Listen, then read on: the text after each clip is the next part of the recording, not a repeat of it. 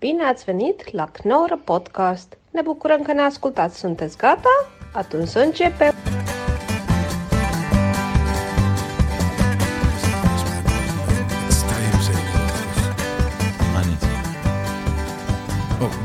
Oké, ja, we hebben een discussie te pakken. Ja, ik weet ik baseer mijn kennis nooit op eh, kennis. Nee, die zijn heel nerveus. Als er een plastic zakje op straat ligt, kunnen ze al geïntimideerd raken. Paarden. Paarden, ja. Oh, dan zijn het denk ik die politiepaarden die ik bedoel, die ze dan speciaal trainen. Ja, klopt. Maar ja, die hebben oogkleppen op. Dus ja, dat is anders. Net zoals de rest van de wereld. Precies. Omdat iedereen altijd zo nerveus wordt. Dus die paarden die hebben die oogklep op omdat ze anders de wereld gaan zien. En dan worden ze heel erg bang. Gaan ze als een dolle heen en weer eh, rennen. Dat is ook eigenlijk de enige oplossing voor problemen op de wereld, is wegkijken. Dat is de enige manier om de problemen te laten verdwijnen. ja, Ja. ja. in je eigen hoofd. Precies. Ja. maar dan is het in elk geval ergens verdwenen. Ja, ja. Ja. Dat is, het is een hele positieve, positieve kijk. Zeker. Het wordt een soort wellness. Ja, eh, is er in ieder geval iets, eh, iets opgelost. Right, dames en heren, welkom bij de Knol Podcast. eh, met vandaag een hele bijzondere gast. Met niemand minder dan. Donnie, Ronnie, Ah, oké, cool. Ja. Fijn dat je er bent. bedankt. Ja. En jij ook, ja. Iedereen is een bijzondere gast, laat dat duidelijk zijn. Dat klopt. Alleen sommige gasten komen heel vaak, dus dan gaat de bijzonderheid er een klein beetje af. Snap ik. Hey, eh Donnie, ik heb een eh, cadeautje voor jou. Want ik weet dat jij van cadeautjes houdt. Oh, geweldig. Ja. Prachtig. Kerstfiguur kat. En dat is het ook echt. Ja. Het is één stuk. Ah, schitterend. Ja, we komen al een beetje in de kerstsfeer natuurlijk. Ja, en je houdt van versieren.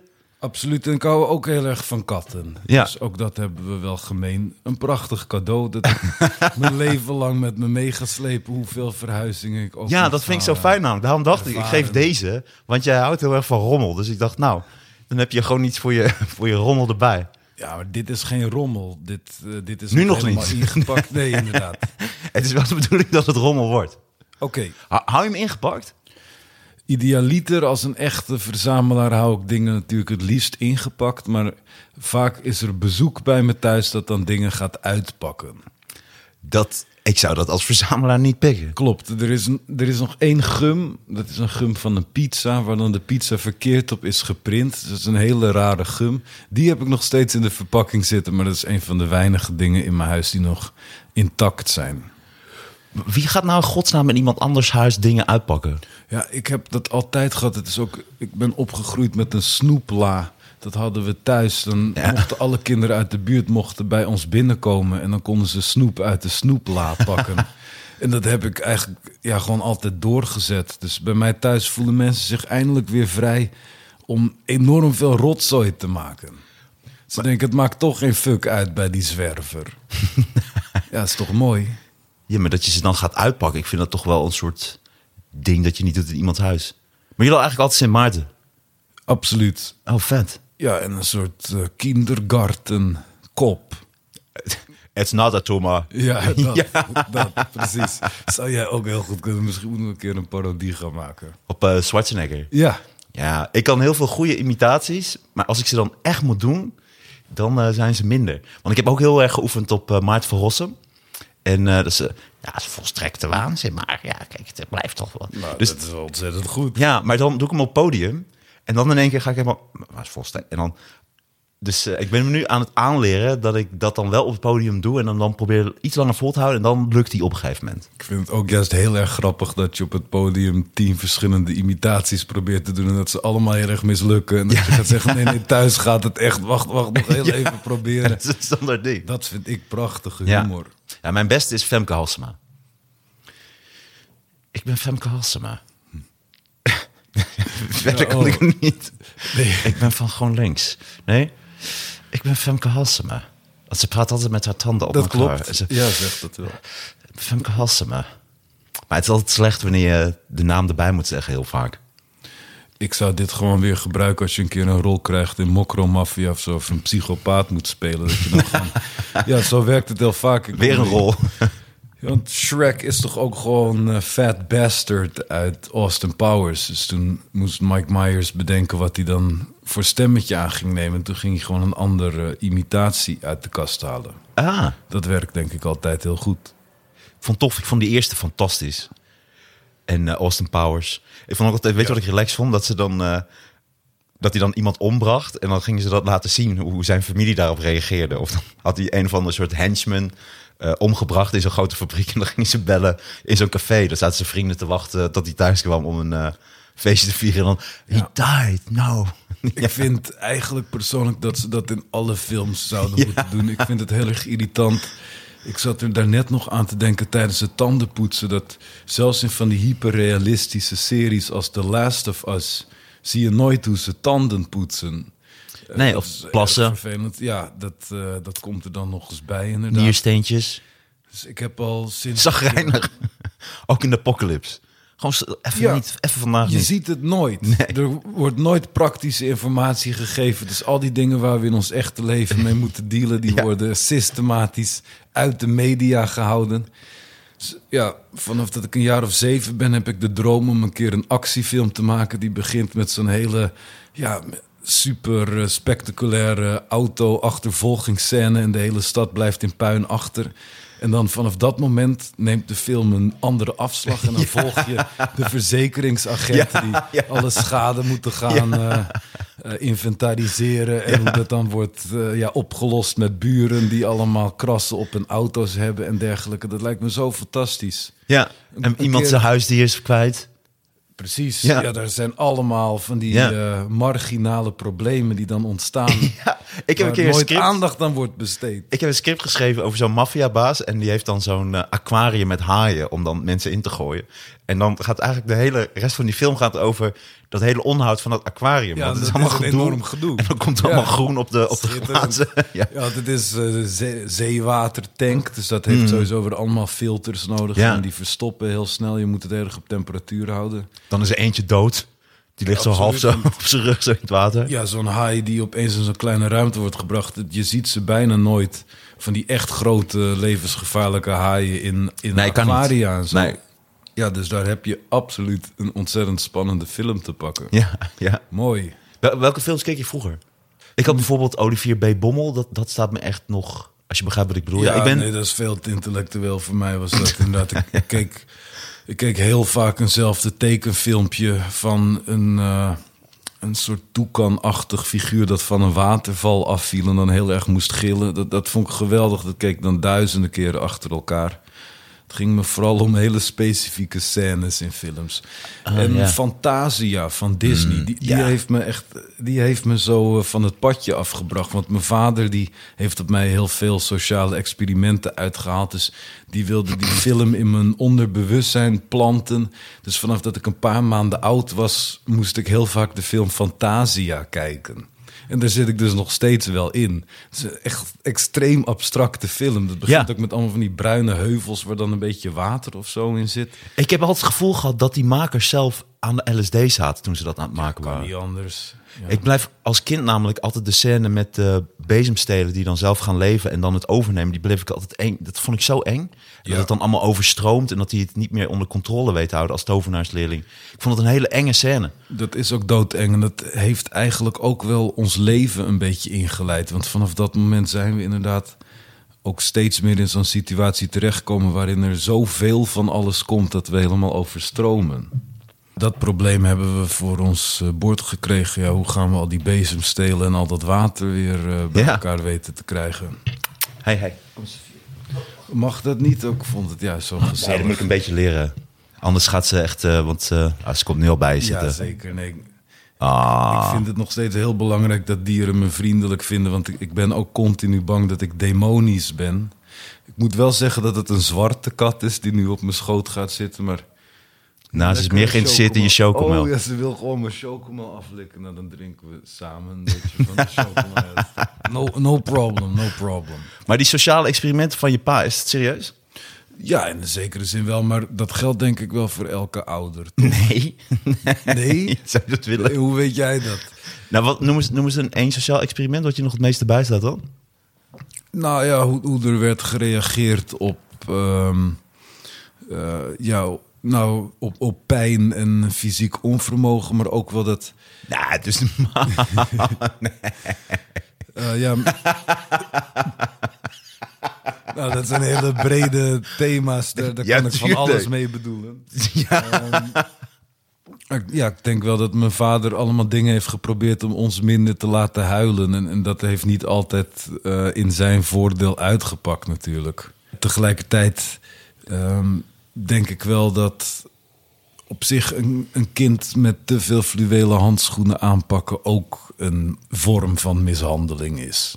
Dus ja, je moet daar ergens een balans in vinden. Ik, ik ben niet eh, zwaar mishandeld of iets dergelijks, maar ik denk wel dat, dat een rode draad in mijn leven het sociale experiment is. Of hoe, hoe kun je nou iemand beter in het gareel houden?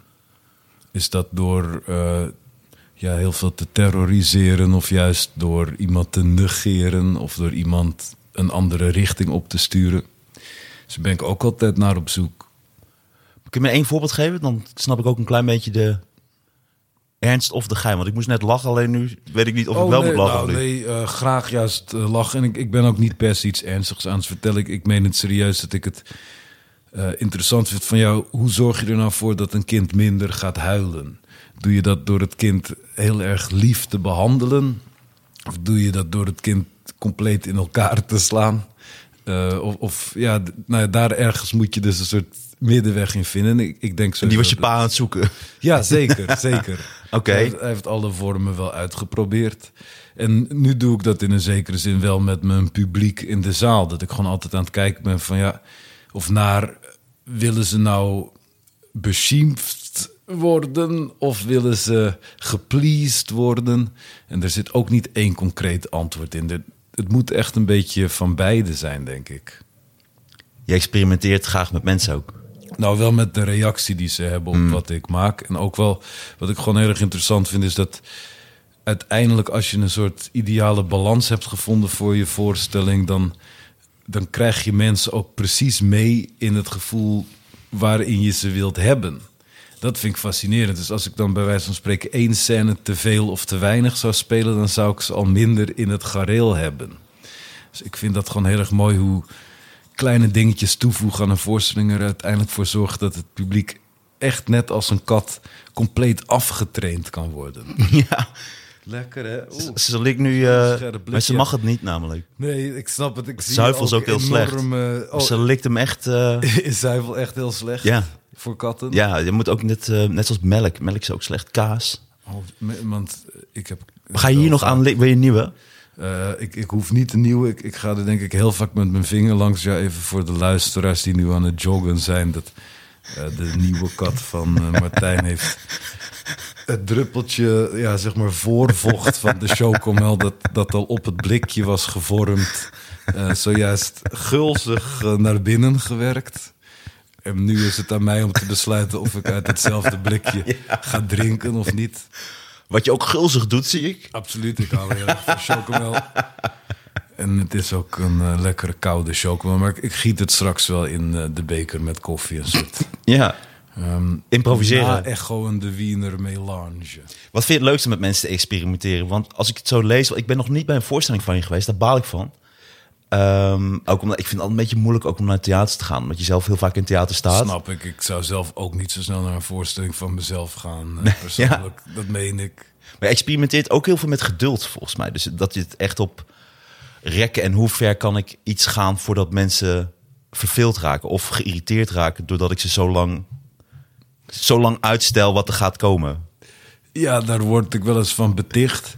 Eh, te- en tegelijkertijd, ja, het geduld van mensen is gewoon heel erg broos. Als mensen naar comedy kijken, willen ze bij wijze van spreken ja, drie keer in een minuut kunnen lachen.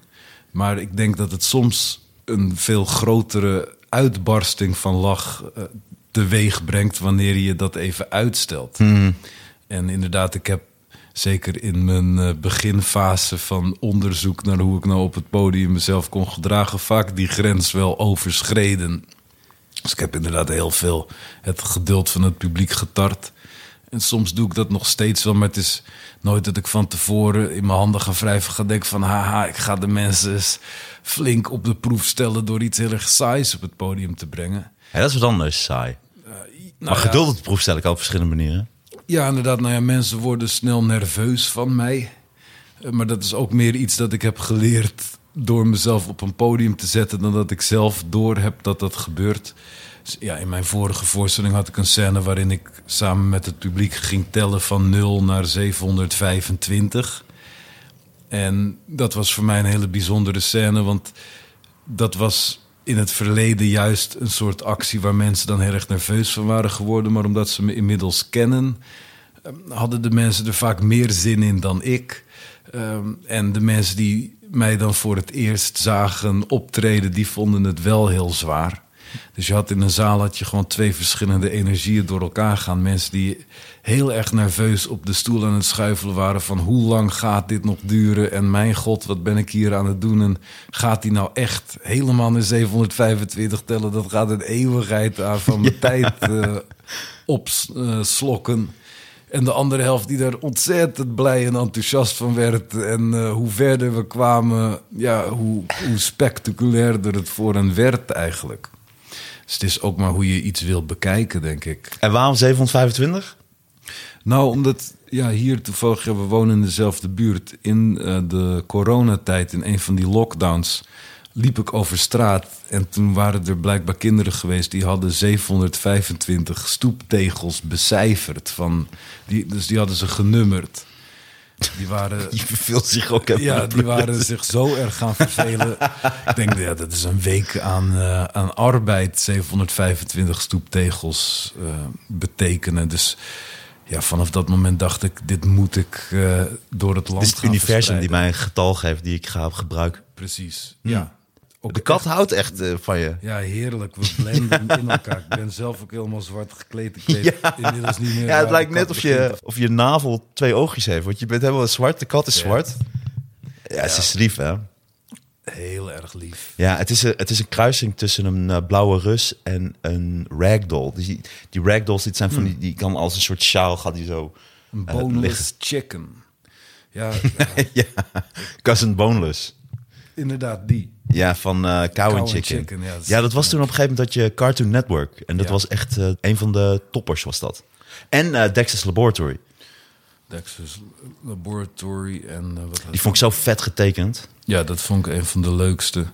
Er waren een paar hele goede shows. Ik denk, ja, zonder Cartoon Network waren we waarschijnlijk minder grappig geworden. Dat zit er dik in. Kijk, hou je van cartoons? In die tijd keek ik dat heel veel. Ik kan me ook niet herinneren wanneer de laatste keer is geweest dat ik echt heel bewust een cartoon heb gekeken. Ik heb vaak tegen mensen gezegd dat ik het heb gekeken, maar ik heb niet echt meer het geduld. Ik heb wel veel South Park gekeken. Heb je eh, niet geduld voor? heb je niet het geduld voor? Ja, het is. Dus wat jij ons aandoet als, als mensheid en maatschappij, ons geduld te tarten, dan heb je voor zelf voor heel veel dingen weer geen geduld. Ja, dat gaat toch heel erg samen, denk ik. Ja, blijkbaar. Ja, ik, ik moet conflicten in mezelf opzoeken en die weer op het podium brengen, denk ik. Ja, het is gewoon lekker om een warm lichaam tegen me aan te voelen.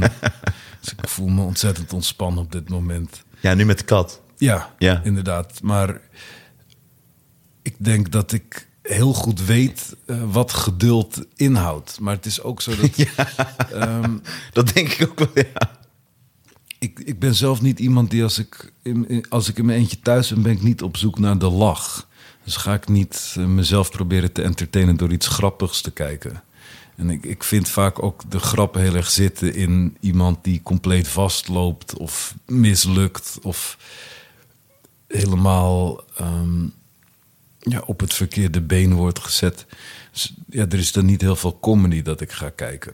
Ik, ik hou wel van comedy. Ik hou wel echt van eh, dat ik echt kan lachen om andere dingen. Want net wat je net vertelde over die films die realistisch zijn, dan moet ik denken aan Ronald Goedemond, die zo'n stukje heeft dat.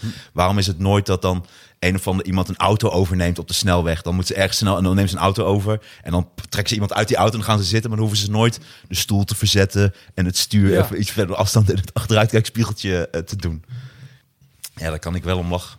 Ik heb het gevoel dat we dezelfde dingen leuk vinden. En dat je Ja. op dezelfde manier ook een beetje in de maatschappij staat als iemand die in de maatschappij moet zijn, maar er niet eigenlijk hoort.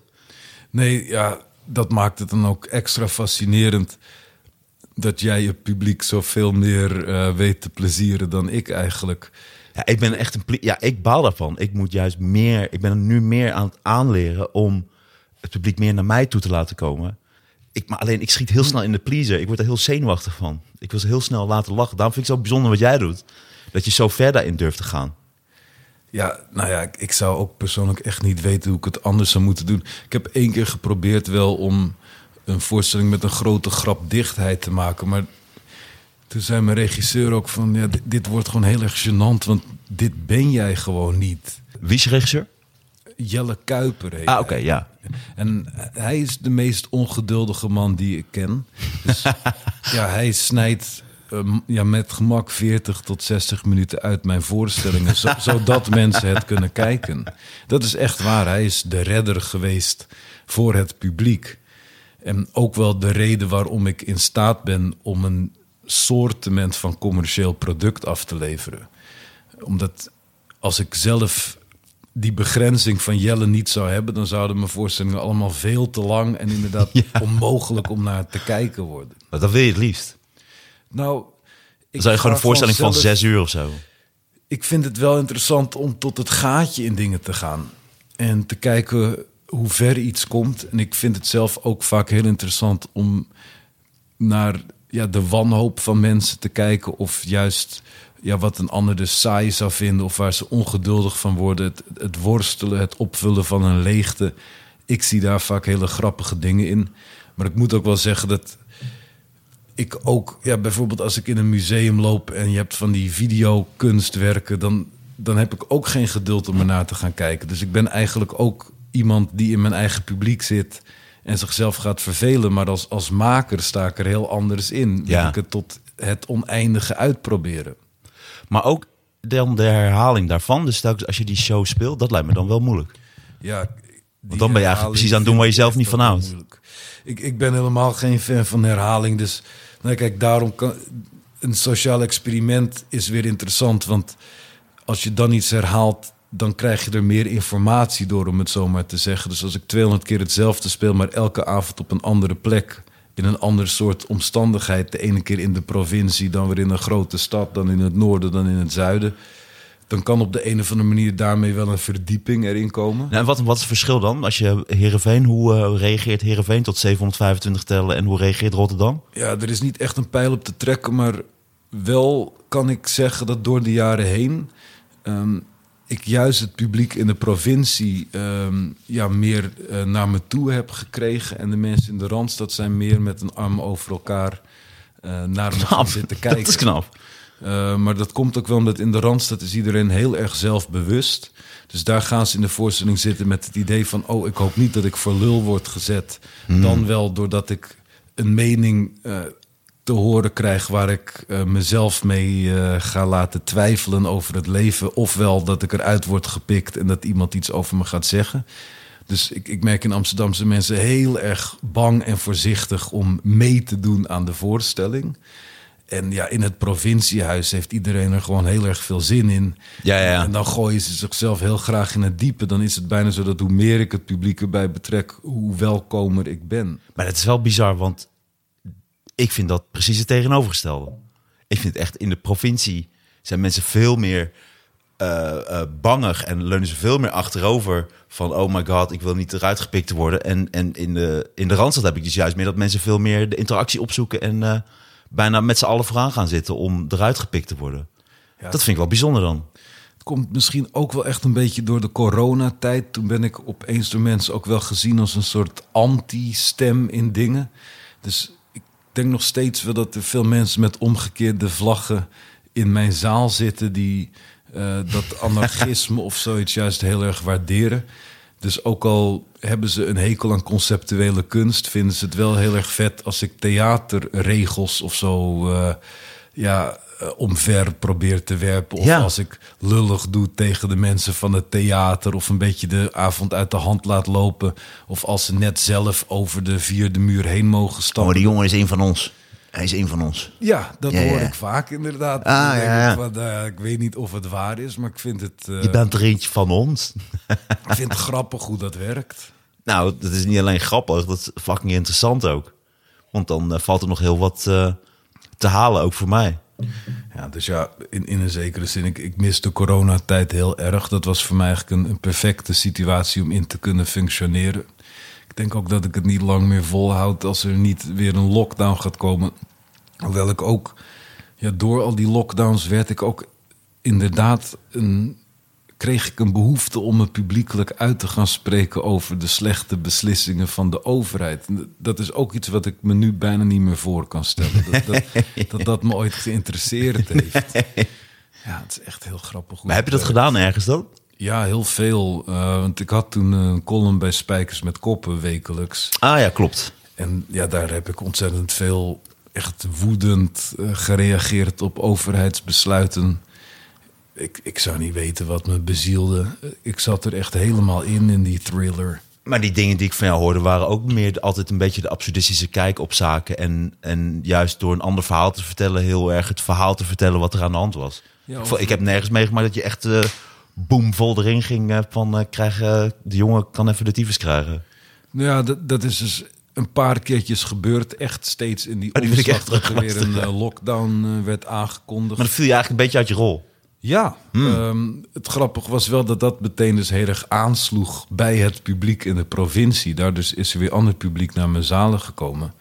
En op dat moment voelde ik ook echt zelf die noodzaak om een kritisch verhaal te brengen. Maar achteraf denk ik ook wel van ja, grappig hoe snel dat om kan slaan. Dat ik dus ook een soort bezorgde burger of zo kan worden. Ja, vind je mooi? Ja, Misschien ook een beetje met ouderdom te maken. Het zou kunnen. Ja, ik voelde heel sterk ehm, het, ehm, het idee dat, dat ik nodig was om het eh, volk te gaan leiden. Ik, ik eh, werd er oh. echt een beetje eng van. Ja, Messias-complex. ja Ja, de verlosser. dat, dat moet echt door het vaccin zijn gekomen. Want eh, ik, ik zelf ben dat helemaal niet. Nee. Ja, daar zit ook wat in volgens mij, hoor. Dat hele vaccin. Ik, daar klopt helemaal niks van. Ja, sindsdien zijn we altijd moe, toch? Ja, Ja, en altijd En geil. knettergeil de hele tijd. Ja. Ja, nu je het zegt. ja. Val je wel eens uit je rol? Want ik vond één heel grappig moment met jou. Dat was bij de slimste. Volgens mij zat je, was dat in de finale week. En toen zat jij, eh, was je niet de winnaar van de dag. Dus je moest dan tegen iemand anders, weet je wel, op het eind. Ja. En dat scheelde er heel erg om of je het ging halen, ja of nee. En toen haalde je het, want je had net op, op twee seconden won jij. En toen dacht zo, yes! Nee, toen Ja. zo, ja. En dat Ja. was de enige keer dat ik jou uit je rol zag vallen. enige keer. Ja. Merkte je dat zelf? Dacht je er achteraf van, kut? Nee, zo, zo ben ik er helemaal niet mee bezig. Ik, ik probeer juist altijd wel een beetje los te komen.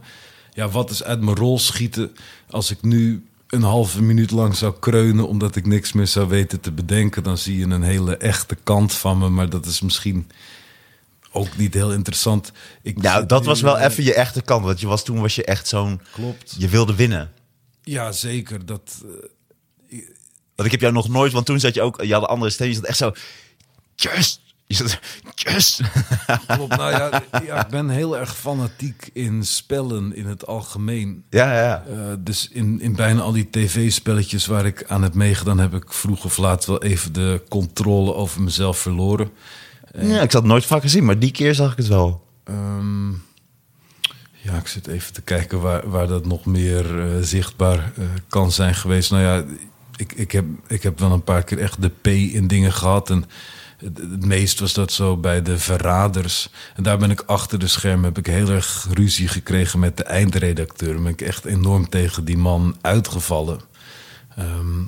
Waarom- hoe dan? Wat dan? nou, ik- toen zat ik ook gewoon zo diep in dat spel en eh, was ik zo ontzettend meegesleept eh, in het willen winnen.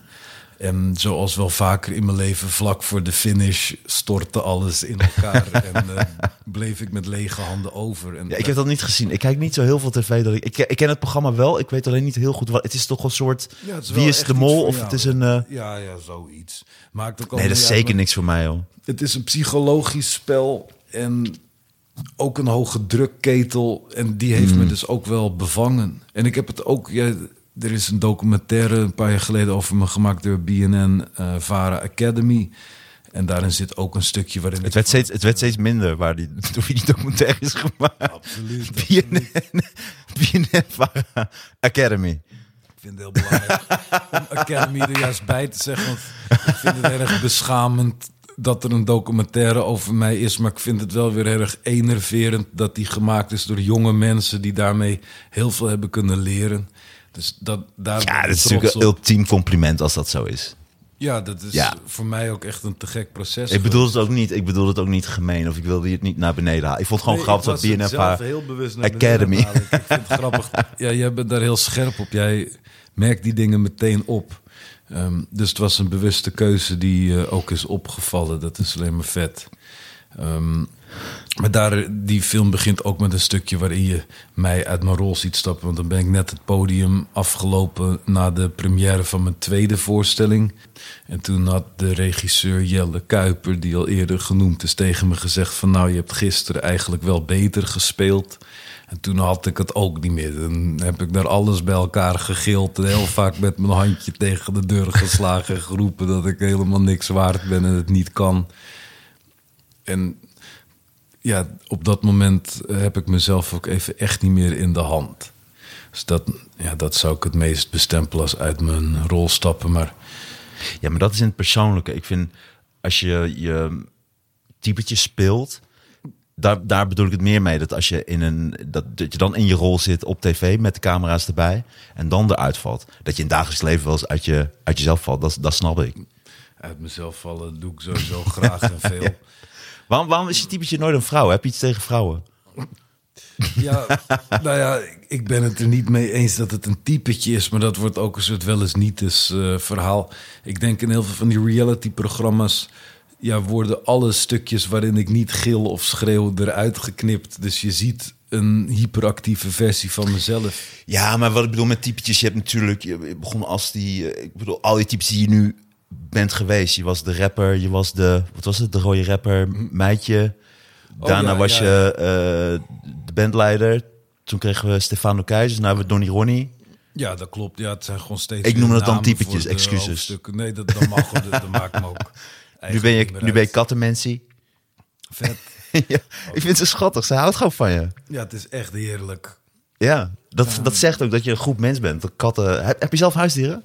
Ik heb zelf geen huisdieren, want ik ben bijna nooit thuis. Ik zou niet weten hoe ik ervoor moet zorgen. Eh, ja. maar ik, eh, ja, ik vind het op de een of andere manier eh, prettiger om door een dier bevestigd te worden dan door een mens. Zeker, vind ik ook.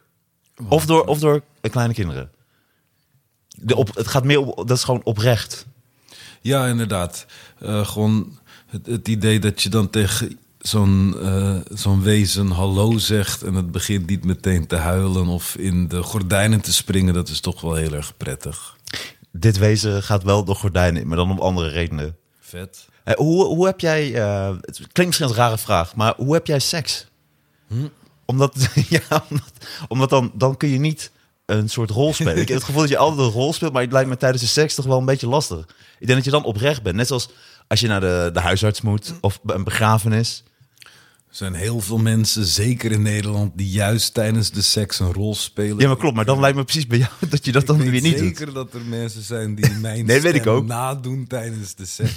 Nee, nou, Ja, nee dan, kan dan vind je jezelf wel heel geweldig. Oh nee hoor, dat, dat is gewoon... eh, de intonatie die ik gebruik is heel verleidelijk. Dat- Nee. Dat, dat moet gewoon wel.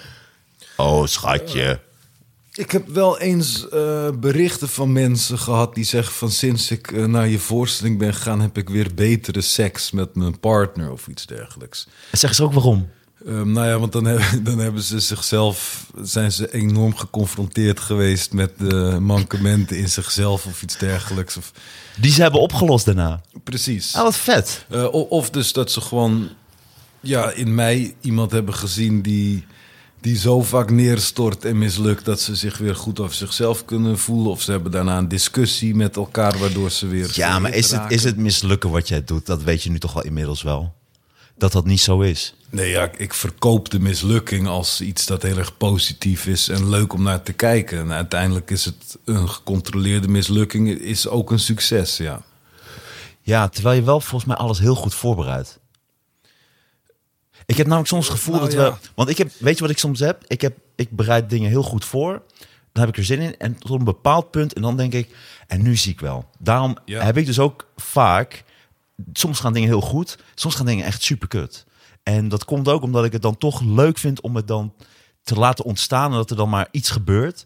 Alleen soms heb ik het gevoel dat ik denk, is het ook luiheid? Dat ik denk, alsof ik net niet tot het gaatje wil gaan om het te perfectioneren, omdat het dan saai wordt of omdat het dan te, ja, niet meer oprecht wordt of dat het niet meer me- mezelf is of dat het dan geen ziel meer heeft.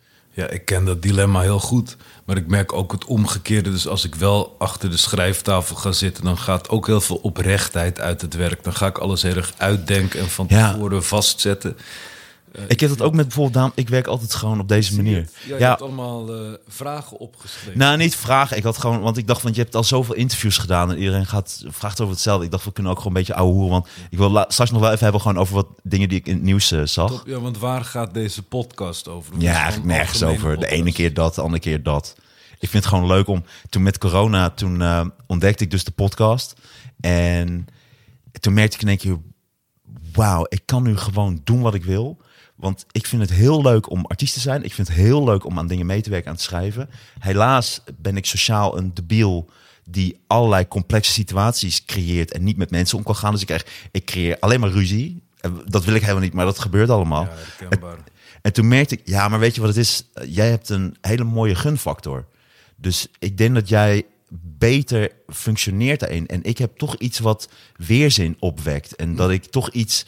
Ik heb een. Mensen denken dingen van mij die helemaal niet aan de hand zijn. Alleen ik bevestig het wel door me raar te gedragen. Dus ik kan gewoon niet. Ik kan gewoon niet. Ik ben niet zo goed in de omgang met mensen. En ik kan. Er ontstaan dingen en die los ik dan niet op. Dat, dan sluit ik me daar weer voor af. En dan, eh, en dan borrelt dat verder. En dan ga ik gewoon weer verder met mijn leven. Maar dan is dat er nog steeds. Dus ik los dingen helemaal niet op. Dus dat is één grote, eh één grote uh, teringzooi. Jeetje. Maar jij hebt denk ik wel veel meer een gunfactor daarin. Ja, het gras is ook altijd groener aan de overkant, denk ik. Want we mogen allebei nog steeds bestaan in dit land. We zijn nog niet helemaal verketterd. Nee, nou, nou, ik ben wel redelijk verketterd. Ja, maar heb je het gevoel dat je niet meer kunt functioneren, dat je niet meer kunt werken? Uh, nee, ja, dat niet, maar wel dat ik, uh, ik, ik heb me wel veel, ik heb wel veel schepen verbrand, laat ik het zo zeggen. Ik ben wel, ik zou beter over dingen na moeten denken.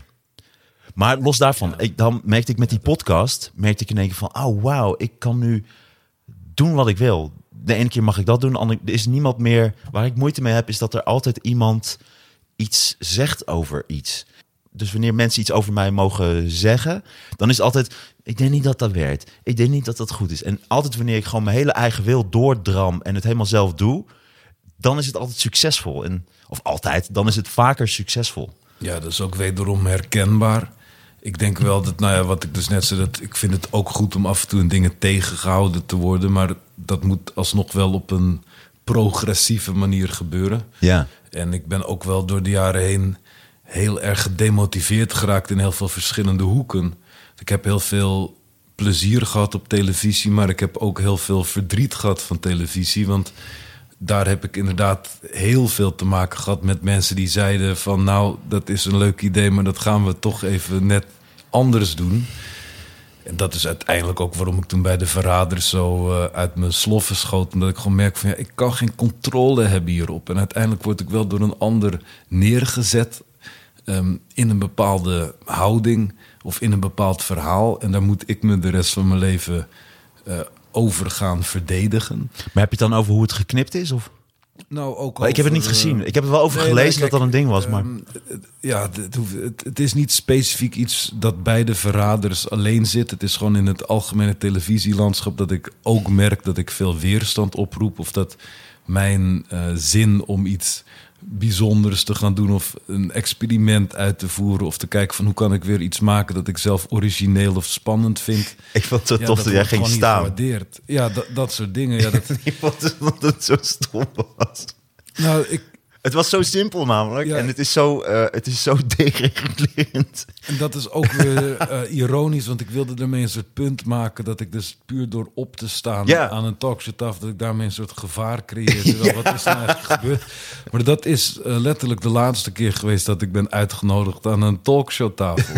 ja, dus, is het zo? Ja. Dus op de een of andere manier hebben ze toen wel gezegd van, nou ja, hij, hij is wel vervelend. En dat heeft wel iets. Dus dat was heftiger dan dood neervallen of gekke dingen doen of stil zijn. Was gewoon, daarom vond ik het zo cool. Ik vond Ja. dat staan, dacht ik van ja. En het was ook zo irritant. Want dan maakte ze dat shot. En dan stond je er zo. geen goed shot. Het is natuurlijk heel erg vervelend. Ja, ik vond dat. En ik vond het leukste. Ik vond jouw, eh, ik vond jouw roost. Het was. Ik vind de Amerikaanse roost, daar hou ik heel erg van. Ik vind de Nederlandse ben ik niet heel groot fan van. Ik vind sommige stukjes leuk. Maar ik vond dat echt de beste roost van allemaal. Dat was zo mooi. Zo'n mooie aanloop. En dan uiteindelijk daar naakt staan. En dan zeggen dat je toch minder voor lul staat dan al die mensen hier. Dat was zo ontzettend cool. Ja, dat vond ik echt je coolste, je coolste actie. Ja, ik ben heel trots ook op dat optreden. Ehm, toen was ik ook nog heel erg boos over corona. Maar ehm, uiteindelijk is het heel erg leuk om in een soort competitie te zitten. En ehm, ja, nou ja, wat jij net zegt over dat je op je scherpst bent als je niet wordt tegengehouden. Ik denk dat ik op mijn scherpst ben als ik het gevoel heb dat het ergens om gaat. Ja, ik, ben wel, ik word wel scherp van tegenhouden, omdat ik dan voel ik me in de hoek gedrukt en dan denk ik, oké, dan ga ik wel iets maken. Dan zal ik laten zien wat, het, eh, wat Ja. ik wel kan, dat. Dus Ja. ik word er wel scherper van. Dus ja, de reden waarom ik die roast zo ging doen was omdat ook die aanloop ontzettend tuttig was. Dus die mensen van Comedy Central wilden weken van tevoren mijn tekstje uitgeschreven op papier Ja, hebben. know. En 16 keer met me afspreken om te kijken waar ik het nou over ging hebben. En me aanbieden of ze een tekstschrijver in moest sturen. Dat soort dingen die, ja, Ja. die roepen mij een recalcitrantie op. Ja, weet Maar zo zonde is? maar leuk. Weet wat zo zonde is? Ik zou namelijk dat eerste seizoen zou ik alles schrijven. Hm. Had ik ook met mensen eh, eh, voor eh gecharterd en we zouden met die hele groep dat gaan doen voor ook niet zo heel veel geld. En toen kwam ik dus ook met die mensen in contact van Comedy Center. Ik vind ze allemaal heel aardig en zo. Maar die zeiden toen dingen dat ik dacht, ja, maar je moet mij het vertrouwen geven dat wij die grappig Maar ik ben al heel lang fan van de roost. Alleen ik ga niet mijn dingen opsturen naar jullie. Dus jullie laten het ons doen. Ja, dan is het al einde verhaal. Nou ja, maar, maar dat snap ik dan nog steeds niet. Want ik denk van, maar jullie zijn geen grappenmakers. Dus hoe, waarom, hoe kan ik nou in godsnaam de grappen opsturen naar mensen die dat Ja. niet kunnen beoordelen? En dan gaan zeggen, ik, dat grapje, ik voel het niet. Of eh, ja, dat kun je echt niet zeggen. Of dat, dan denk ik, ja, dat is dus het hele grote probleem. En het jammere was eigenlijk, toen hebben ze die Gordon-ding gedaan. Wat toch nog best wel goed over de scheef ging. Dus dacht ik, ja, maar ik, ik, ik kan me heel goed voorstellen. En dat, dat ben ik echt een beetje zat. Dat, dat oordelen van mensen, het oordeel van mensen die daar niet de bevoegdheid toe hebben. Alleen wel de functie. Ja, ik, het, je, bent wel in, afhankelijk eh, van ze. In elk creatief beroep, dus een grafisch designer heeft ook vaak problemen met de commerciële klant. Want de commerciële klant wil dat de grafisch designer iets gaat ontwerpen. En dan lever je dat in en dan zegt de klant van... oh, maar ik zou het eigenlijk toch liever in het blauw willen... en zou het net eens toch hoekig kunnen in plaats van rond. En dan. Ja. ben je uiteindelijk niet meer zelf als ontwerper bezig. Ik Ja, maar dan vind ik wel, dan mee. moeten ze wel geld betalen. Want bijvoorbeeld, ik heb toen tegen Comedy Central gezegd... oké, als we dat moeten opsturen, prima. Maar dan wil ik wel drie keer zoveel geld. Want dan, dan maak ik het gewoon. En dan is de, de, de beloning Ja. geld. En dan is de beloning niet de artistieke vrijheid. Maar je moet niet mijn artistieke vrijheid afpakken... en dan ook nog voor een kwartje op de eerste rij eh, komen Ja, te en wat zitten. zei Comedy Of dubbeltje. toen? Zeg je? Wat zeiden ze tegen jou toen je dat zei? Ja, toen hebben ze niet meer teruggebeld. Ja, nee, want dat is het vervelende. En, ja, ik, ben, ik ben een eh, geschoold conceptueel kunstenaar. Dus ik, ik ben opgeleid om ideeën te ontwikkelen. En in dat proces van ideeën ontwikkelen ben ik de afgelopen zes, zeven jaar altijd teruggefloten door mensen die helemaal niet zo'n soort achtergrond hebben, maar meer een Ja. managementachtige achtergrond. En zeggen van ja, maar ehm, wij weten met onze televisie-expertise dat dit te veel risico is, of we kunnen niet inschatten of dit kijkers op gaat leveren of niet. En dat is een heel erg ja, pijnlijk proces voor Nou was het maar dat ze zeiden... wij kunnen niet inschatten of het kijkers oplevert of niet. Ze zeggen gewoon, dit levert geen kijkers op. Of dit willen mensen, of dit willen ze niet. Ja, nou ja, of als het ze echt te moeilijk wordt, dan, dan blijft het gewoon in een soort kast liggen. En dan ja. gaan ze me vast nog een keertje bellen om het erover te hebben. Maar al die dingen vervagen dan gewoon. Dus ik kan heel vaak niet het beroep uitoefenen dat ik eigenlijk het liefste uitoefen. Dat is ideeën tot een verwezenlijking omvormen. Dat gaat echt heel vaak lastig. En dat vind ik heel erg moeilijk om te accepteren. Dus in het theater heb ik die vrijheid. maar ik ja, moet precies. natuurlijk wel zorgen dat de mensen naar de voorstelling blijven komen. Ik merk dat dat is voor mij ook altijd weer opnieuw een uitdaging. En ik ben nu veel minder op televisie. Dus ja, daar, daardoor wordt het niet per se makkelijker om in het theater iets experimenteels te doen. Ik moet wel zorgen dat hetgeen dat het publiek ziet echt leuk is. Anders is het snel gedaan. Ja, want speaking of which, ik kom in jouw show. Daarom ben jij nu Ja. ook in de podcast. Ja, Omdat ik in jouw theatershow kom, kom jij vier keer langs in de podcast. Ik dacht twee keer. Oh, ik dacht eh, vijf keer. Nee, het is goed. De- Kijk, dat, nou, dat wilde ik net nog wel zeggen, want dat is ook wel typisch. En zo werk ik ook. Dat we wonen bij elkaar om de hoek. We vinden het, denk ik, leuk om met elkaar te praten. Maar zonder deze omkadering van een podcast hadden we dit minder snel gedaan. Ja, Dit is de eerste keer in mijn leven dat ik een relax gesprek met jou heb waar geen camera op staat. We worden weliswaar opgenomen door twee microfoons, maar we hebben nu de tijd om met elkaar te kletsen. En ik vind het ja, ook wel weer typisch hoe dat dan makkelijker gaat wanneer je er een, ja, een reden aan geeft dan als we gewoon maar met elkaar zouden afspreken. Dus ehm, ja, maar dat komt ook omdat ik daar, ik ben daar gewoon niet goed in. Nee, en, en ik dus ook. Want ik kom ook veel makkelijker opdraven als ik weet dat het gesprek wordt opgenomen of dat ik er op die manier een soort optreden aan overhoud dan als het een gewone koffie is. Ik word altijd best wel nerveus als ik zonder een reden met mensen een koffie ga drinken. Dan zit ik op de fiets te denken van ja, oké, maar waarom doe ik dit ook alweer? En wat zijn mijn targets die ik er strakjes uit wil halen? Dat is wel jammer. Ja. Helemaal als je zo over denkt. Ik heb dat ook een beetje. Ben jij goed in vriendschappen onderhouden?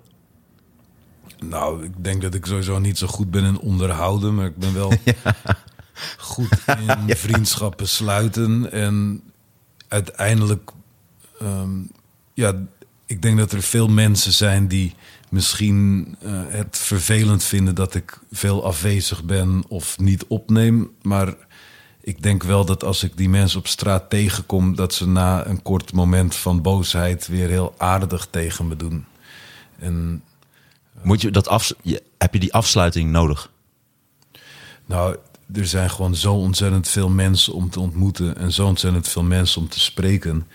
En ik merk wel, want als ik gewoon kijk naar bijvoorbeeld eh, mijn oud-klasgenoten van de middelbare school of van de kunstacademie, die zijn nog heel erg een hechte groep. Die zien elkaar nog steeds elke Ja, week. ja. Die wonen nog steeds bij elkaar in de buurt en werken in een zekere zin ook nog steeds samen. En ik heb altijd wel de behoefte om weer een nieuwe wereld te gaan ontdekken. Dus daarom geef ik mezelf ook steeds nieuwe namen. Elke naam staat eigenlijk weer voor een nieuwe hoofdstuk in mijn leven... waarin ik weer andere kanten op ga... en daarom ook weer andere mensen tegenkom. Ja. Dat eh, kan ik iedereen aanraden eigenlijk. Want hoe, want hoe is het met Donny Ronnie nu dan? Ja, nou ja, Donny Ronnie zit nog steeds met een soort halve placenta om zich heen. Dit is gewoon een couveuse kind geworden, omdat ik... Ik heb Donny Ronnie heel erg snel gebaard. Maar eigenlijk was ik zelf nog niet helemaal mentaal aan toe. Om weer een heel nieuw hoofdstuk aan te snijden. Dus Donny Ronnie bestaat al sinds maart. Hij loopt nog een beetje mank en zo. Ja, klopt. Maar dat wordt meestal... Ik bedoel, dat Beethoven ook, geloof ik. En eh, Napoleon wellicht. Of eh, ehm, de Whittakers in Amerika hebben dat ook wel. Die kunnen alleen maar blaffen, geloof ik. Dus, Die, zeg maar, de Whittakers zeggen me niks. ja, dat is de most inbred family eh, in the world of zoiets. Dat kreeg ik laatst te zien. Nou, ik speelde laatst in, eh, wat was het nou, Rilland. nou, daar komen ze ook in de buurt. hoor. Ah, nog nooit van die plek gehoord. Ja, dat ligt ehm, in de buurt van Middelburg. Dat was meer een dorpshuis. Echt voor try-outs is dat. Maar ik vind soms, want nu speelde ik hem niet als try-out. Dit was wel echt de show. Ik vind dat wel prettiger, want ik vind soms in een dorpshuis spelen in de try-out eh, fase. Bijvoorbeeld Beuzegem, vind ik een hele mooie tent. Dat- Ken je dat? Dat is die oude paardenstal. Ja, Dat vind ik heel erg leuk. Ik vind sommige plekken namelijk ontzettend leuk, maar daar speel je alleen als try-out. En dat vind ik soms zonde en ook veel moeilijker, want dat zijn mensen die, ja, echt, ik, heb, ik doe al best wel absurdistische shit in mijn shows, maar in mijn try-outs ga ik nog best wel, doe ik allerlei gekke, het kan bij mij alle kanten op gaan. Maar als je dan in zo'n dorpshuis staat, dan zitten er soms echt mensen die denken, ja, wat, wat ben ik nou aan het kijken? Ja, ik durf niet eens te zeggen dat ik in de buurt kom van jou qua het pushen en Oh, hoe ver je kan gaan. Ik, ik ben er. Ik ben ook helemaal niet op zoek om de winnaar te worden van pushen in gedicht. Nee, nee, nee, nee, nee, nee zo bedoel ik niet. Maar dan denk ik, dus dit was de eerste keer dat ik echt eh, een affe show speelde op zo'n plek. Hm. Maar eh, ja, jeetje, dat, eh, als je het hebt over de Whitakers, van Hm. daar toch wel een paar mensen in het publiek denken van, misschien moet je toch wel een beetje soms buiten de grenzen van je dorpje kijken. Met alle respect voor jullie mensen in Rilland. Ik weet niet of jullie dit luisteren. Dat zit er dik in. Daar ga je ook in nog een plek waar je niet meer welkom bent. Ja, ja, ja, misschien pak je het ook niet helemaal goed aan door eh, ja, het achterste van je tong zoveel uh, Ja, is heel slecht. Klopt. Ik moet soms meer maffia zijn. Niet alles zeggen. Het is ook een jinx soms. Ja. Maar ik moet van zoveel dingen leren. Ik ben het tel kwijtgeraakt, joh. Hm. Ja. Ja, en dan uiteindelijk levelt het zich ook uit. Eh, dus eh, ja, dan gaandeweg komen mensen ook weer een stapje richting jou en zullen ze accepteren dat je niet meer eh, te verbeteren bent waarschijnlijk. Ja. Maar nou, het is wel inderdaad.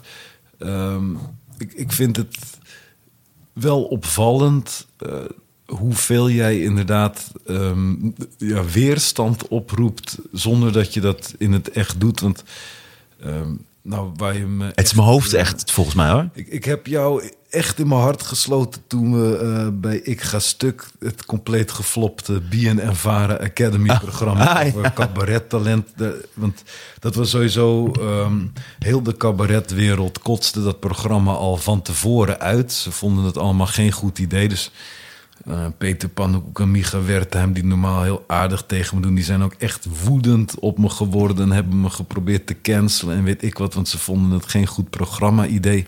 terwijl ik zelf nog niet eens wist wat we precies gingen maken.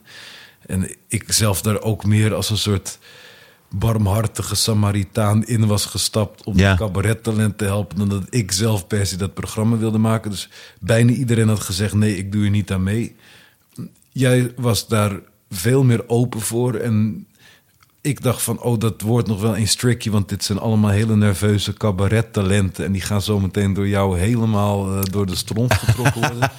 En je bent die hele dag zo ongelooflijk lief en complimenteus... en behulpzaam voor iedereen geweest. Ondertussen heb je ze ook op een kritische manier... heel veel dingen bijgebracht.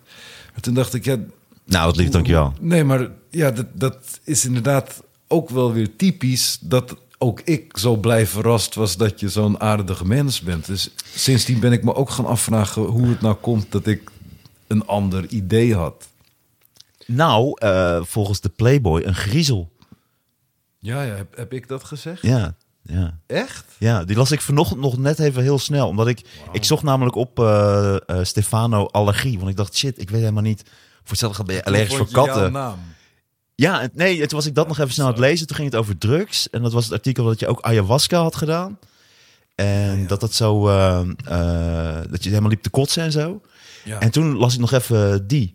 Maar toen stond er ook bij van, ja, want dat vindt iedereen. Oh, dat was, nee, dat was wel heel heftig. Het zei van, eh, nee, er stond Peter Pannenkoek of Martijn Koning. Peter Pannenkoek vind ik heel erg leuk. Martijn Koning vind ik een griezel, maar dat zeg ik omdat iedereen dat vindt. En toen was ik net op, op weg, ging ik net op weg naar de, naar de Albert Heijn. Toen dacht ik, ah, van goh.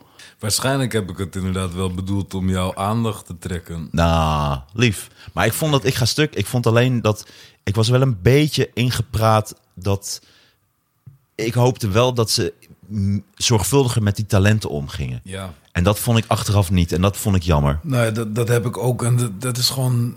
Dat vind ik echt lastig. Want ik probeer altijd een open hart te hebben voor alles dat gemaakt wordt. En ehm, ik probeer tegelijkertijd vrede te stichten met het principe dat de dingen die ik zelf wil maken nooit op televisie gaan verschijnen. En dat ik dan maar van hetgeen dat wel gemaakt wordt iets zo moois mogelijk kan maken.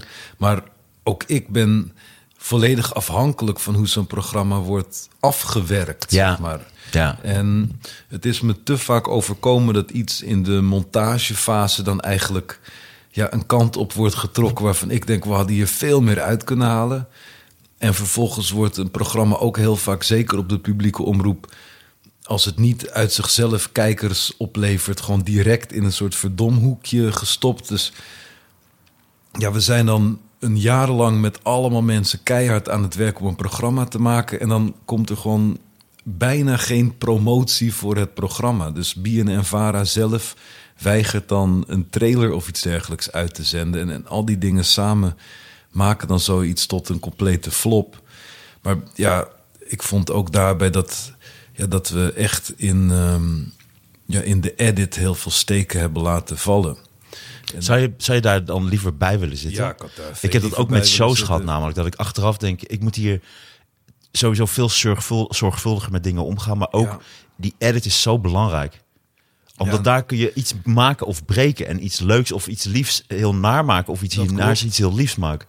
En eh, ja, dat is iets dat me nog steeds dus niet echt gelukt is om dusdanig bij een programma betrokken te worden, om daar ook echt zelf mijn zegje over te kunnen doen. Eh, ik heb een paar. is dat luiheid of wat is dat bij jou? Nee, nou bij, bij dit programma ehm, was het echt heel ingewikkeld, maar kwam het er uiteindelijk op neer dat opeens het programma gemonteerd was en, en toen was er niks meer aan te doen. Toen, ik heb nog een hele lijst met eh, feedback proberen te sturen, maar toen werd er al gezegd nee, het, eh, het staat al vast. En, Dat vind ik eh, altijd zo dan, irritant. eh, Dan, heb ik zelf... In één keer ben je uit die eh, communicatie. Ja, en groep. ehm, ik moet ook zeggen dat ik, ik zelf op dat moment ook zoiets had van, nou ja, zoek het allemaal maar dat is het. Maar dat, is, dat, ja, maar dat heb ik dus ook. Want dan denk je, oké, het zal allemaal wel, weet je wel. En dan, eh, want ik ga nu ook weer met andere dingen bezig. Ja. Dat, het is toch een soort luiheid. En het is ook een angst om een bepaalde confrontatie aan te gaan. Want Ja. wat ik moeilijk vind, kijk, nu kan ik zelf ook goed editen. Want ik vond het vroeger ook moeilijk, want dan moet je dus met iemand gaan overleggen die dat editen kan. En dan Zeker. krijg je dus ook, en dan zeg je, oh, kun je daar even terug? Nou, ik denk niet dat dat. eh, en dan, en ik, ik kan zo moeilijk. Ik wou dat ik gewoon op een vijf kon communiceren. Bij mij is het altijd of nul, dus of ik laat over me heen lopen, of het is, het is oorlog. Als je altijd op vijf communiceert, dan heb je poldermodel. Dus dan krijg Nee, maar ik bedoel, ik zou dat wel eens willen dat dat kan. Dat ik dat kan. Ja, ik weet het niet. Ik, ik denk persoonlijk dat, ehm, ja, dat het bij heel veel van deze dingen een kwestie is van welk gevecht wil je aangaan. Pick Ja, your ja. battles. En Ja. Ehm, Daar ben ik very bad in. iets van mijzelf is, hoe meer ik bereid ben om ervoor te vechten. En ja, eh, daarmee heb ik dus ook dus vaak wel dingen die minder van mij zijn, uiteindelijk een, eh, een kinderdood laten sterven. Omdat ik merkte van ja, de, het gaat me waarschijnlijk niet echt lukken om hier een verandering in aan te brengen. Want ik sta te ver af van de mensen die dit aan het maken zijn. Dus laat het dan maar eh, gaan zoals het gaat. En bij een theatervoorstelling dan moet ik echt mezelf helemaal geven. En dat zie ik ook als iets dat ik echt vanuit mezelf doe. Dus als ik daar... En daar de edit van dan, dat doe je wel zelf? Eh, ja. Ja, Inderdaad. precies, dat moet ik eigenlijk ook doen. Hey, maar nog even over Ik Ga Stuk, omdat jullie hadden een hele bijzondere kandidaat eh, daarin die onder het, tijdens de opname ziek werd. Mark Ja, van Gestel. Inderdaad. Ja, dat uiteindelijk... Nou ja, zo leveren ook... eh, ja, zonder dat programma was Mark, denk ik, minder in, in de loop terechtgekomen. Dus misschien heeft het programma nog ergens zin voor gehad. En je ziet hem in het programma nog wel heel erg veel. Dus het is ook een portret van Mark geworden, ja. Ja. ja, hij is onlangs overleden. Inderdaad, ja. Heel, ging in één keer heel snel. Ik had hem nog in de podcast. En hij wilde nog een keer langskomen in de podcast. En toen, eh, Ja. toen was het in één keer tjoep tjoep en boem klaar. Ja, heel jammer. Leuke vent was dat. Inderdaad, en ik heb ook zijn ziekte eigenlijk nooit serieus kunnen nemen. Dus hij, hij kreeg dat bericht tijdens de opnames van Ik Ga Stuk. Dus we, we hebben toen ook nog een soort stukje gedraaid waarin we het daarover hebben. En ik heb eigenlijk de hele tijd het gevoel gehad van oké, dit, dit is nu even dramatisch. En na een half jaar van eh, in het ziekenhuis eh Komt het weer goed. worden, ja, ben je weer in de running. Dus het is ja, zeer onwerkelijk dat, de, dat die er niet meer is. En ik moet ook wel zeggen dat ik daar... Nou ja, dus dit is nu recent gebeurd. En de paar weken voordat hij stierf... is hij heel veel podia langs gegaan... om, om ook veel grappen te maken over zijn ziekte. En over dat hij terminaal was en er binnenkort niet zou zijn. En ehm, ik heb daar een dubbel gevoel aan overgehouden. Ik ben heel erg blij dat Mark van Gestel nog het gevoel heeft gekregen dat hij gezien is aan het eind van zijn leven. En dat veel mensen nog om hem hebben moeten lachen. Ik denk ook dat die laatste paar maanden zijn meest succesvolle zijn geweest als cabaretier zijnde. Tegelijkertijd denk ik ook wel van ja, in wat voor soort verdorven maatschappij zitten we. Dat je dus ja, op de een of andere manier. De enige keer dat Mark van Gestel op geen stijl is beland, was toen hij grappen ging maken over zijn eigen terminale ziekte. En dan kunnen we allemaal zeggen van hé, kijk hoe chill deze gast is. Hij kan gewoon grappen maken over dat hij binnenkort doodgaat. Ja, hoe ver moeten we inmiddels wel niet gaan om een kort moment van beroemdheid of opvallendheid te genereren? Dus ik zeg niet dat het fout is om grappen te maken over het sterven. Ik zou dat zelf waarschijnlijk in zijn situatie ook zo hebben gedaan. Maar het voelt ergens ook wel pijnlijk dat iemand die een heel leven heeft geleefd, gereduceerd wordt tot één grappige minuut. En dat is dan de functie van Mark van Gestel geweest. Iedereen heeft tijdens het in de trein zitten of op de wc zitten dat filmpje even gezien en geliked. En dan gaat het leven weer verder. En het is uiteindelijk ook ten koste van zijn leven gegaan. Dat, ik wil niet helemaal zo omschrijven, maar eh, ik snap wel wat je bedoelt. Maar ik vind het mooi dat hij wel een mooie rimpel heeft kunnen veroorzaken. En in ieder geval Ja. in de tijdlijn eh, een, een puntje heeft eh, kunnen zetten. Ik moest wel denken dat als jij terminaal wordt, zie ik wel helemaal voor me dat je dan op het podium gaat liggen en dat op een gegeven moment mensen na drie uur erachter komen dat je dood bent. Het lijkt me inderdaad te gek om. ik vind het me heel erg mooi om met alle duisternis van het leven comedy te maken. Dat is denk ik echt voor iedereen goed. Voor, voor de kijker en voor de maker. Dus op het moment dat mij iets slechts overkomt, zoek ik altijd naar een manier van hoe kan ik dit gebruiken op het podium. En ik vind het super geweldig hoe iemand als Mark dus echt een comedy hart heeft en dat ook op die manier is gaan doen. Dus al tijdens ik ga stuk was hij grappen aan het schrijven over wat hem is overkomen. En het is eigenlijk nooit eh, voorbij gegaan. Dus ja, daarom zeg ik ook, ik heb er echt een dubbel gevoel bij. Want ik denk dat het heel erg mooi is dat dit is gebeurd. Het is mooi dat er nu een ambulance voorbij rijdt terwijl we het hierover hebben. Dit is Mark. Absoluut. En ondertussen dacht ik ook wel van ja, nou ja, ik, ik ben blij dat hij nog eh, geëerd is in elk geval. Maar Ja. het, eh, hij had denk ik al wel eerder gezien moeten worden dan een paar weken voordat hij er niet meer was. En tegelijkertijd denk ik inderdaad dat hij in de comedy encyclopedie terecht zal komen als de eerste comedian die ja, dit onderwerp zo letterlijk tot humor heeft verworven. Ja. Ja, dat is een mooie vent. Ik schrok er wel echt van, want Ja. hij had nog eh, drie tot, of wat was het, vier tot zes maanden. En toen eh, was het gewoon een paar weken later eh, klaar. Ja, dat is, dat is kut. ja. Maar goed, rest in peace, Mark van Gestel. Je was een mooie, mooie kerel. Ja, misschien een soort Mark van Gestel Award uh. Dat zou altijd leuk zijn, ja. Dat is een goed idee. Zo'n one-liner award. Ja, zoiets. Ja. Ja, de beste one-liner van het jaar die wint Mark van Gestel eh, cup. Cup. Ja, dat vind ik wel vet. In de vorm van zo'n tumor. Heel erg vet. Ja. Dat zou die te gek hebben Ik gevonden. denk het wel. Ja, een mooie kerel. Ja, ik was bij hem thuis en dat is ook zo. Ja, goed. eh, laten we niet, eh, niet te lang. Ik denk, eh, anders word ik er emo van. Oké, Dus, dat, dat hoeft Er inderdaad. is wel echt iets aan de hand trouwens. Ja, prachtig hoe dat gaat hier. Nou, het is wel en veel eh, explosies de laatste tijd. Ik ga even één ding checken bij jou, Mikey. Ja, sta ik er nog wel te... Oh jee. Een andere show heb je die nu... Ik heb de chocomel eh, inmiddels opgedronken, maar ik heb niet meer uit het blikje gedronken. Maar eh, ja, je kat en ik zijn, zijn dusdanig symbiotisch geworden dat eh, dit ook wel moest kunnen. Ja, jullie zijn echt één. Het is gewoon heel fijn, want het begint steeds kouder te worden. En ehm, Ja, de verwarming is stuk ook.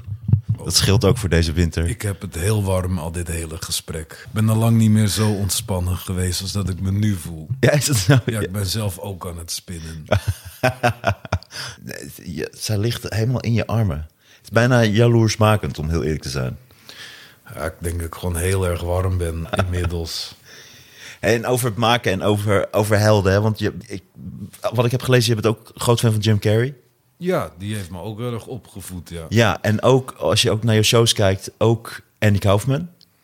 Ja, en die Kaufman, dat is ook omdat die via Jim Carrey mijn leven in is gekomen. Eh, Man on the Moon. ja, dus kijk, als jong kind vond ik Jim Carrey geweldig. Want ik zag iemand die minstens zo dysfunctioneel was als ik zelf. En die aan mij bewees, je kunt ook met dit gedrag en met dit soort vorm van theater heel erg succesvol worden. Want heb je ze stand-up gezien of ging je toen Ace Ventura? Ehm, kijk, ik kom uit 1987, dus ik heb Jim Carrey in eerste instantie leren kennen door die films, Ace Ja. Ventura en The Mask.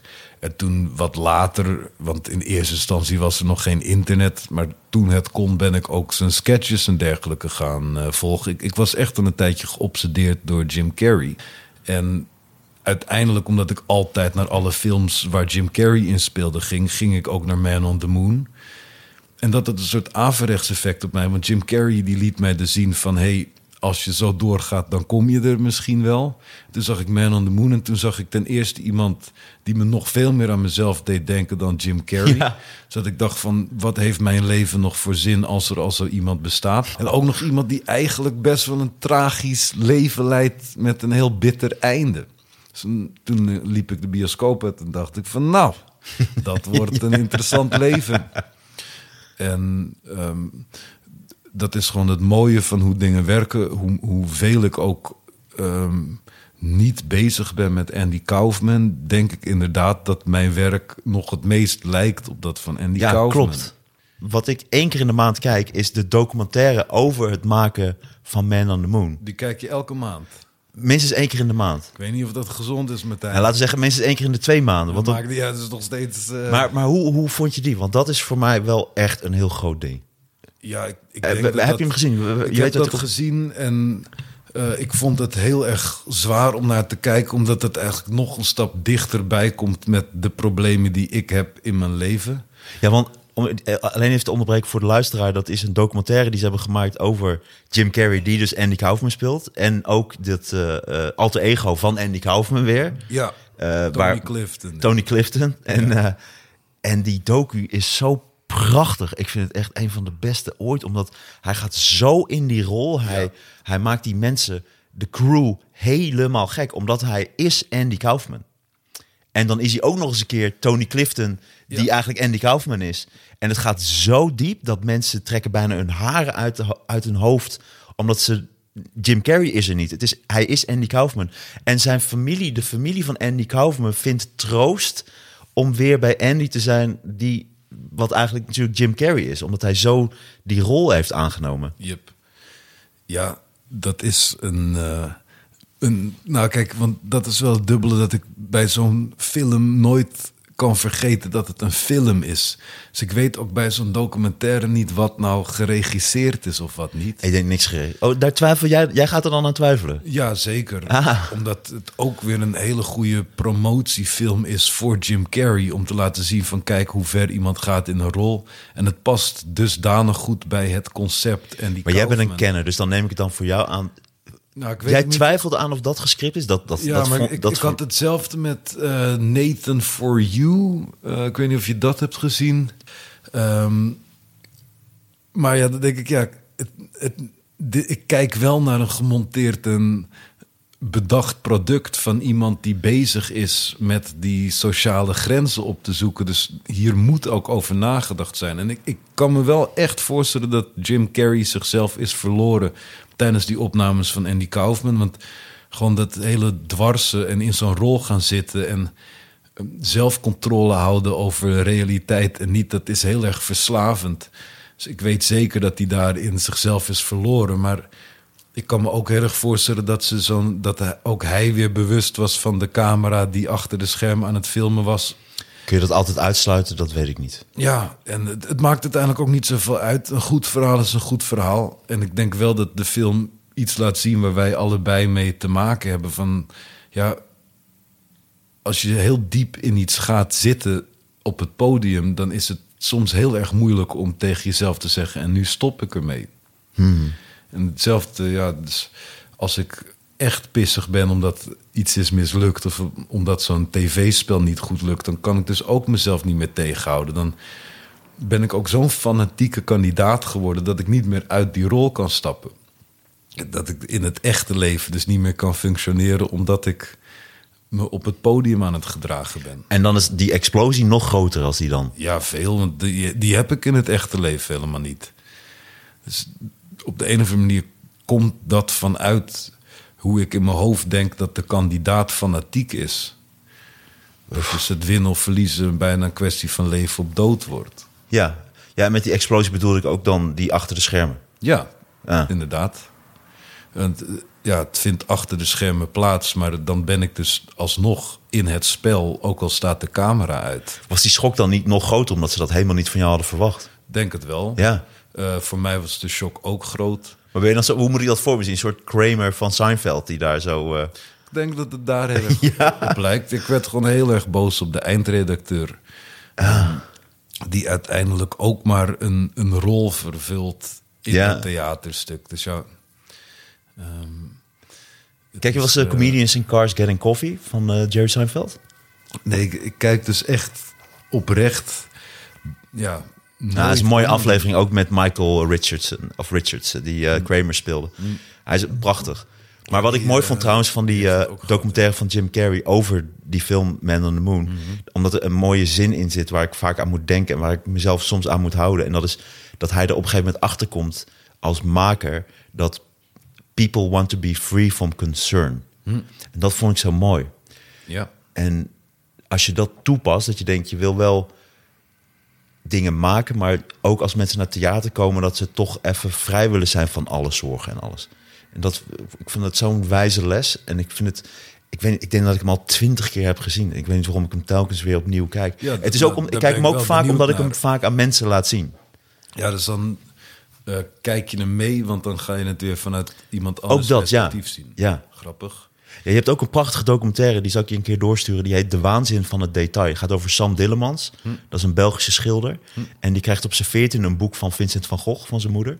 En dat is zo indrukwekkend dat hij op dat moment besluit dat hij zo goed wil worden als Vincent van Gogh. Dat gaat niet lukken, want dan zou hij 400 jaar moeten worden, wat hij niet wordt. Maar hij gaat wel proberen zo oud mogelijk te worden en zoveel mogelijk te schilderen elke dag om zo dicht mogelijk bij zijn doel te komen.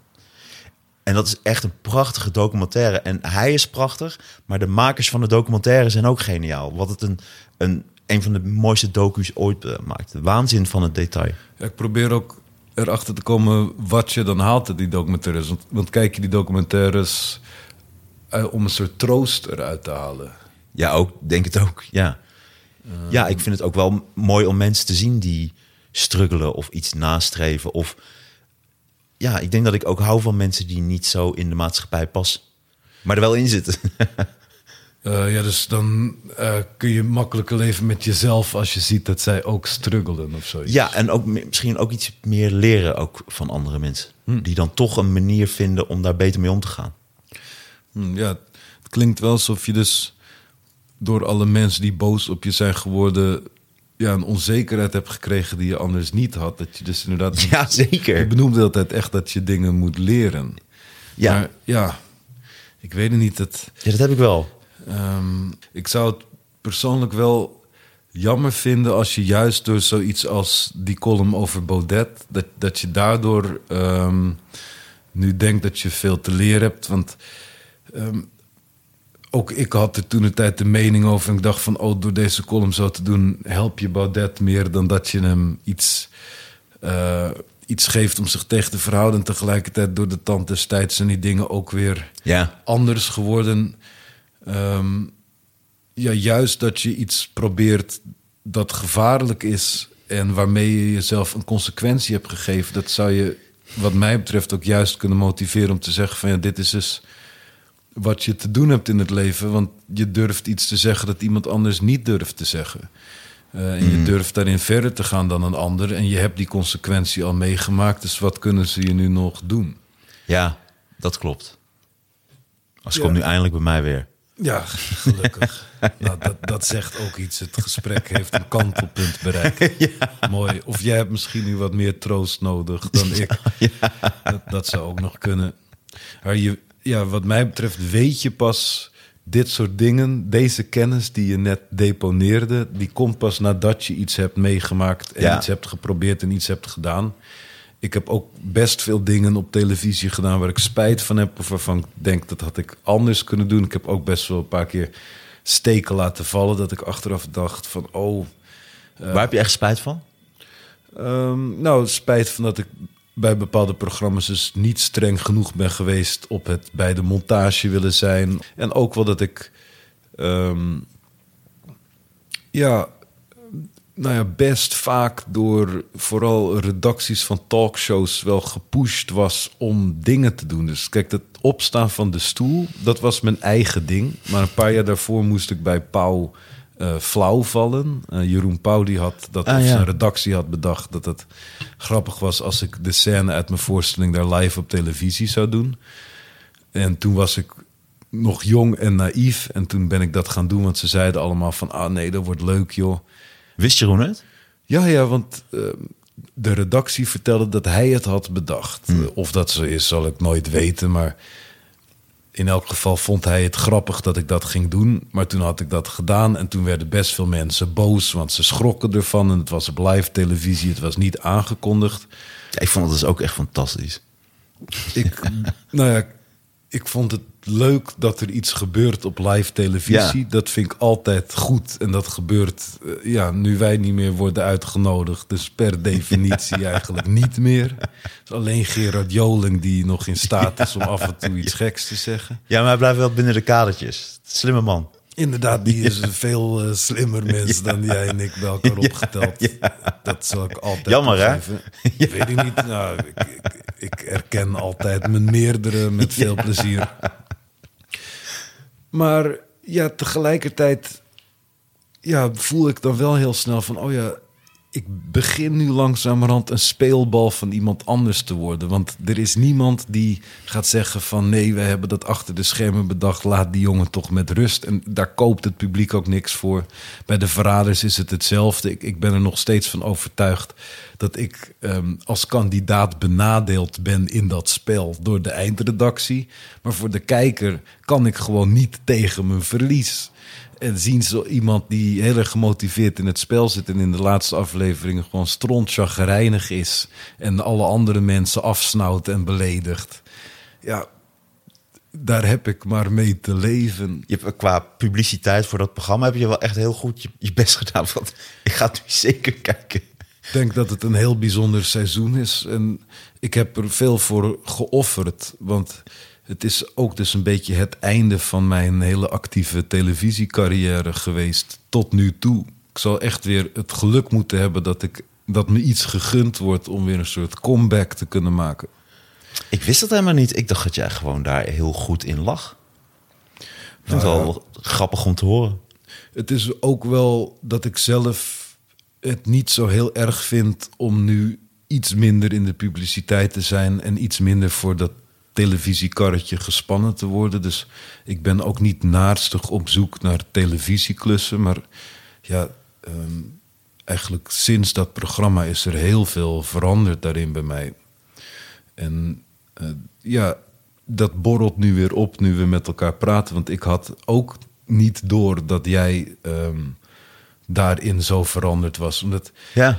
Ik volg ook niet alles wat iedereen doet. Ik ben natuurlijk de hele dag met mezelf bezig. Je kent me inmiddels. Dus voor mijn gevoel sta jij nog steeds elke week op televisie ergens een column te doen. Maar dat blijkt dus ook niet zo Nee. te zijn. Leuk.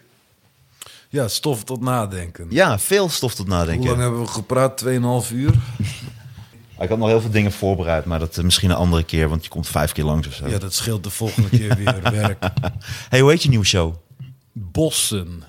Bossen. Ja, is een eh, verwijzing naar de Vasquez, maar dat snapt niemand. Nee, want wat is dat? Een Vasquez is ook een bos, is een roedebundel.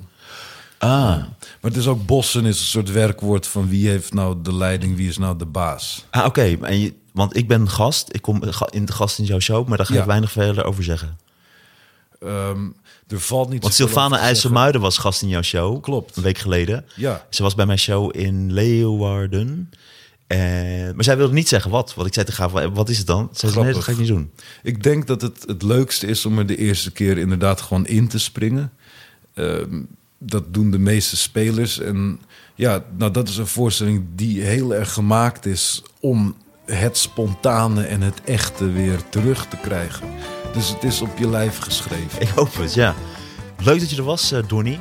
Bedankt Martijn. ja. Ik wens je heel veel eh, succes. Eh, dames en heren, dit was Knorren Podcast met Donnie Ronnie. Eh, mede mogelijk gemaakt door Varkens in Nood. Als je geld te veel hebt en je wil je geld ergens aan doneren, ga dan naar varkensinnood.nl. Stort al je geld. Wacht, wacht, wacht, wacht. Dus de varkens in nood hebben jou weer geld gegeven.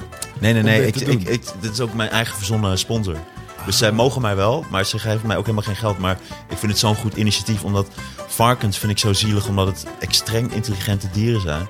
En er wordt het meest extreem naar tegen gedaan. En dat, dat vind ik vreselijk. Dus ik hou van varkens. Ik vind het echt eh, super lieve schatjes. Helemaal mee eens. Ja, dus varkensinnood.nl. En eh, ja, en bedankt voor het luisteren en tot de volgende keer. Fijn dat je er was, man. Ja, bedankt. Doe het gewoon.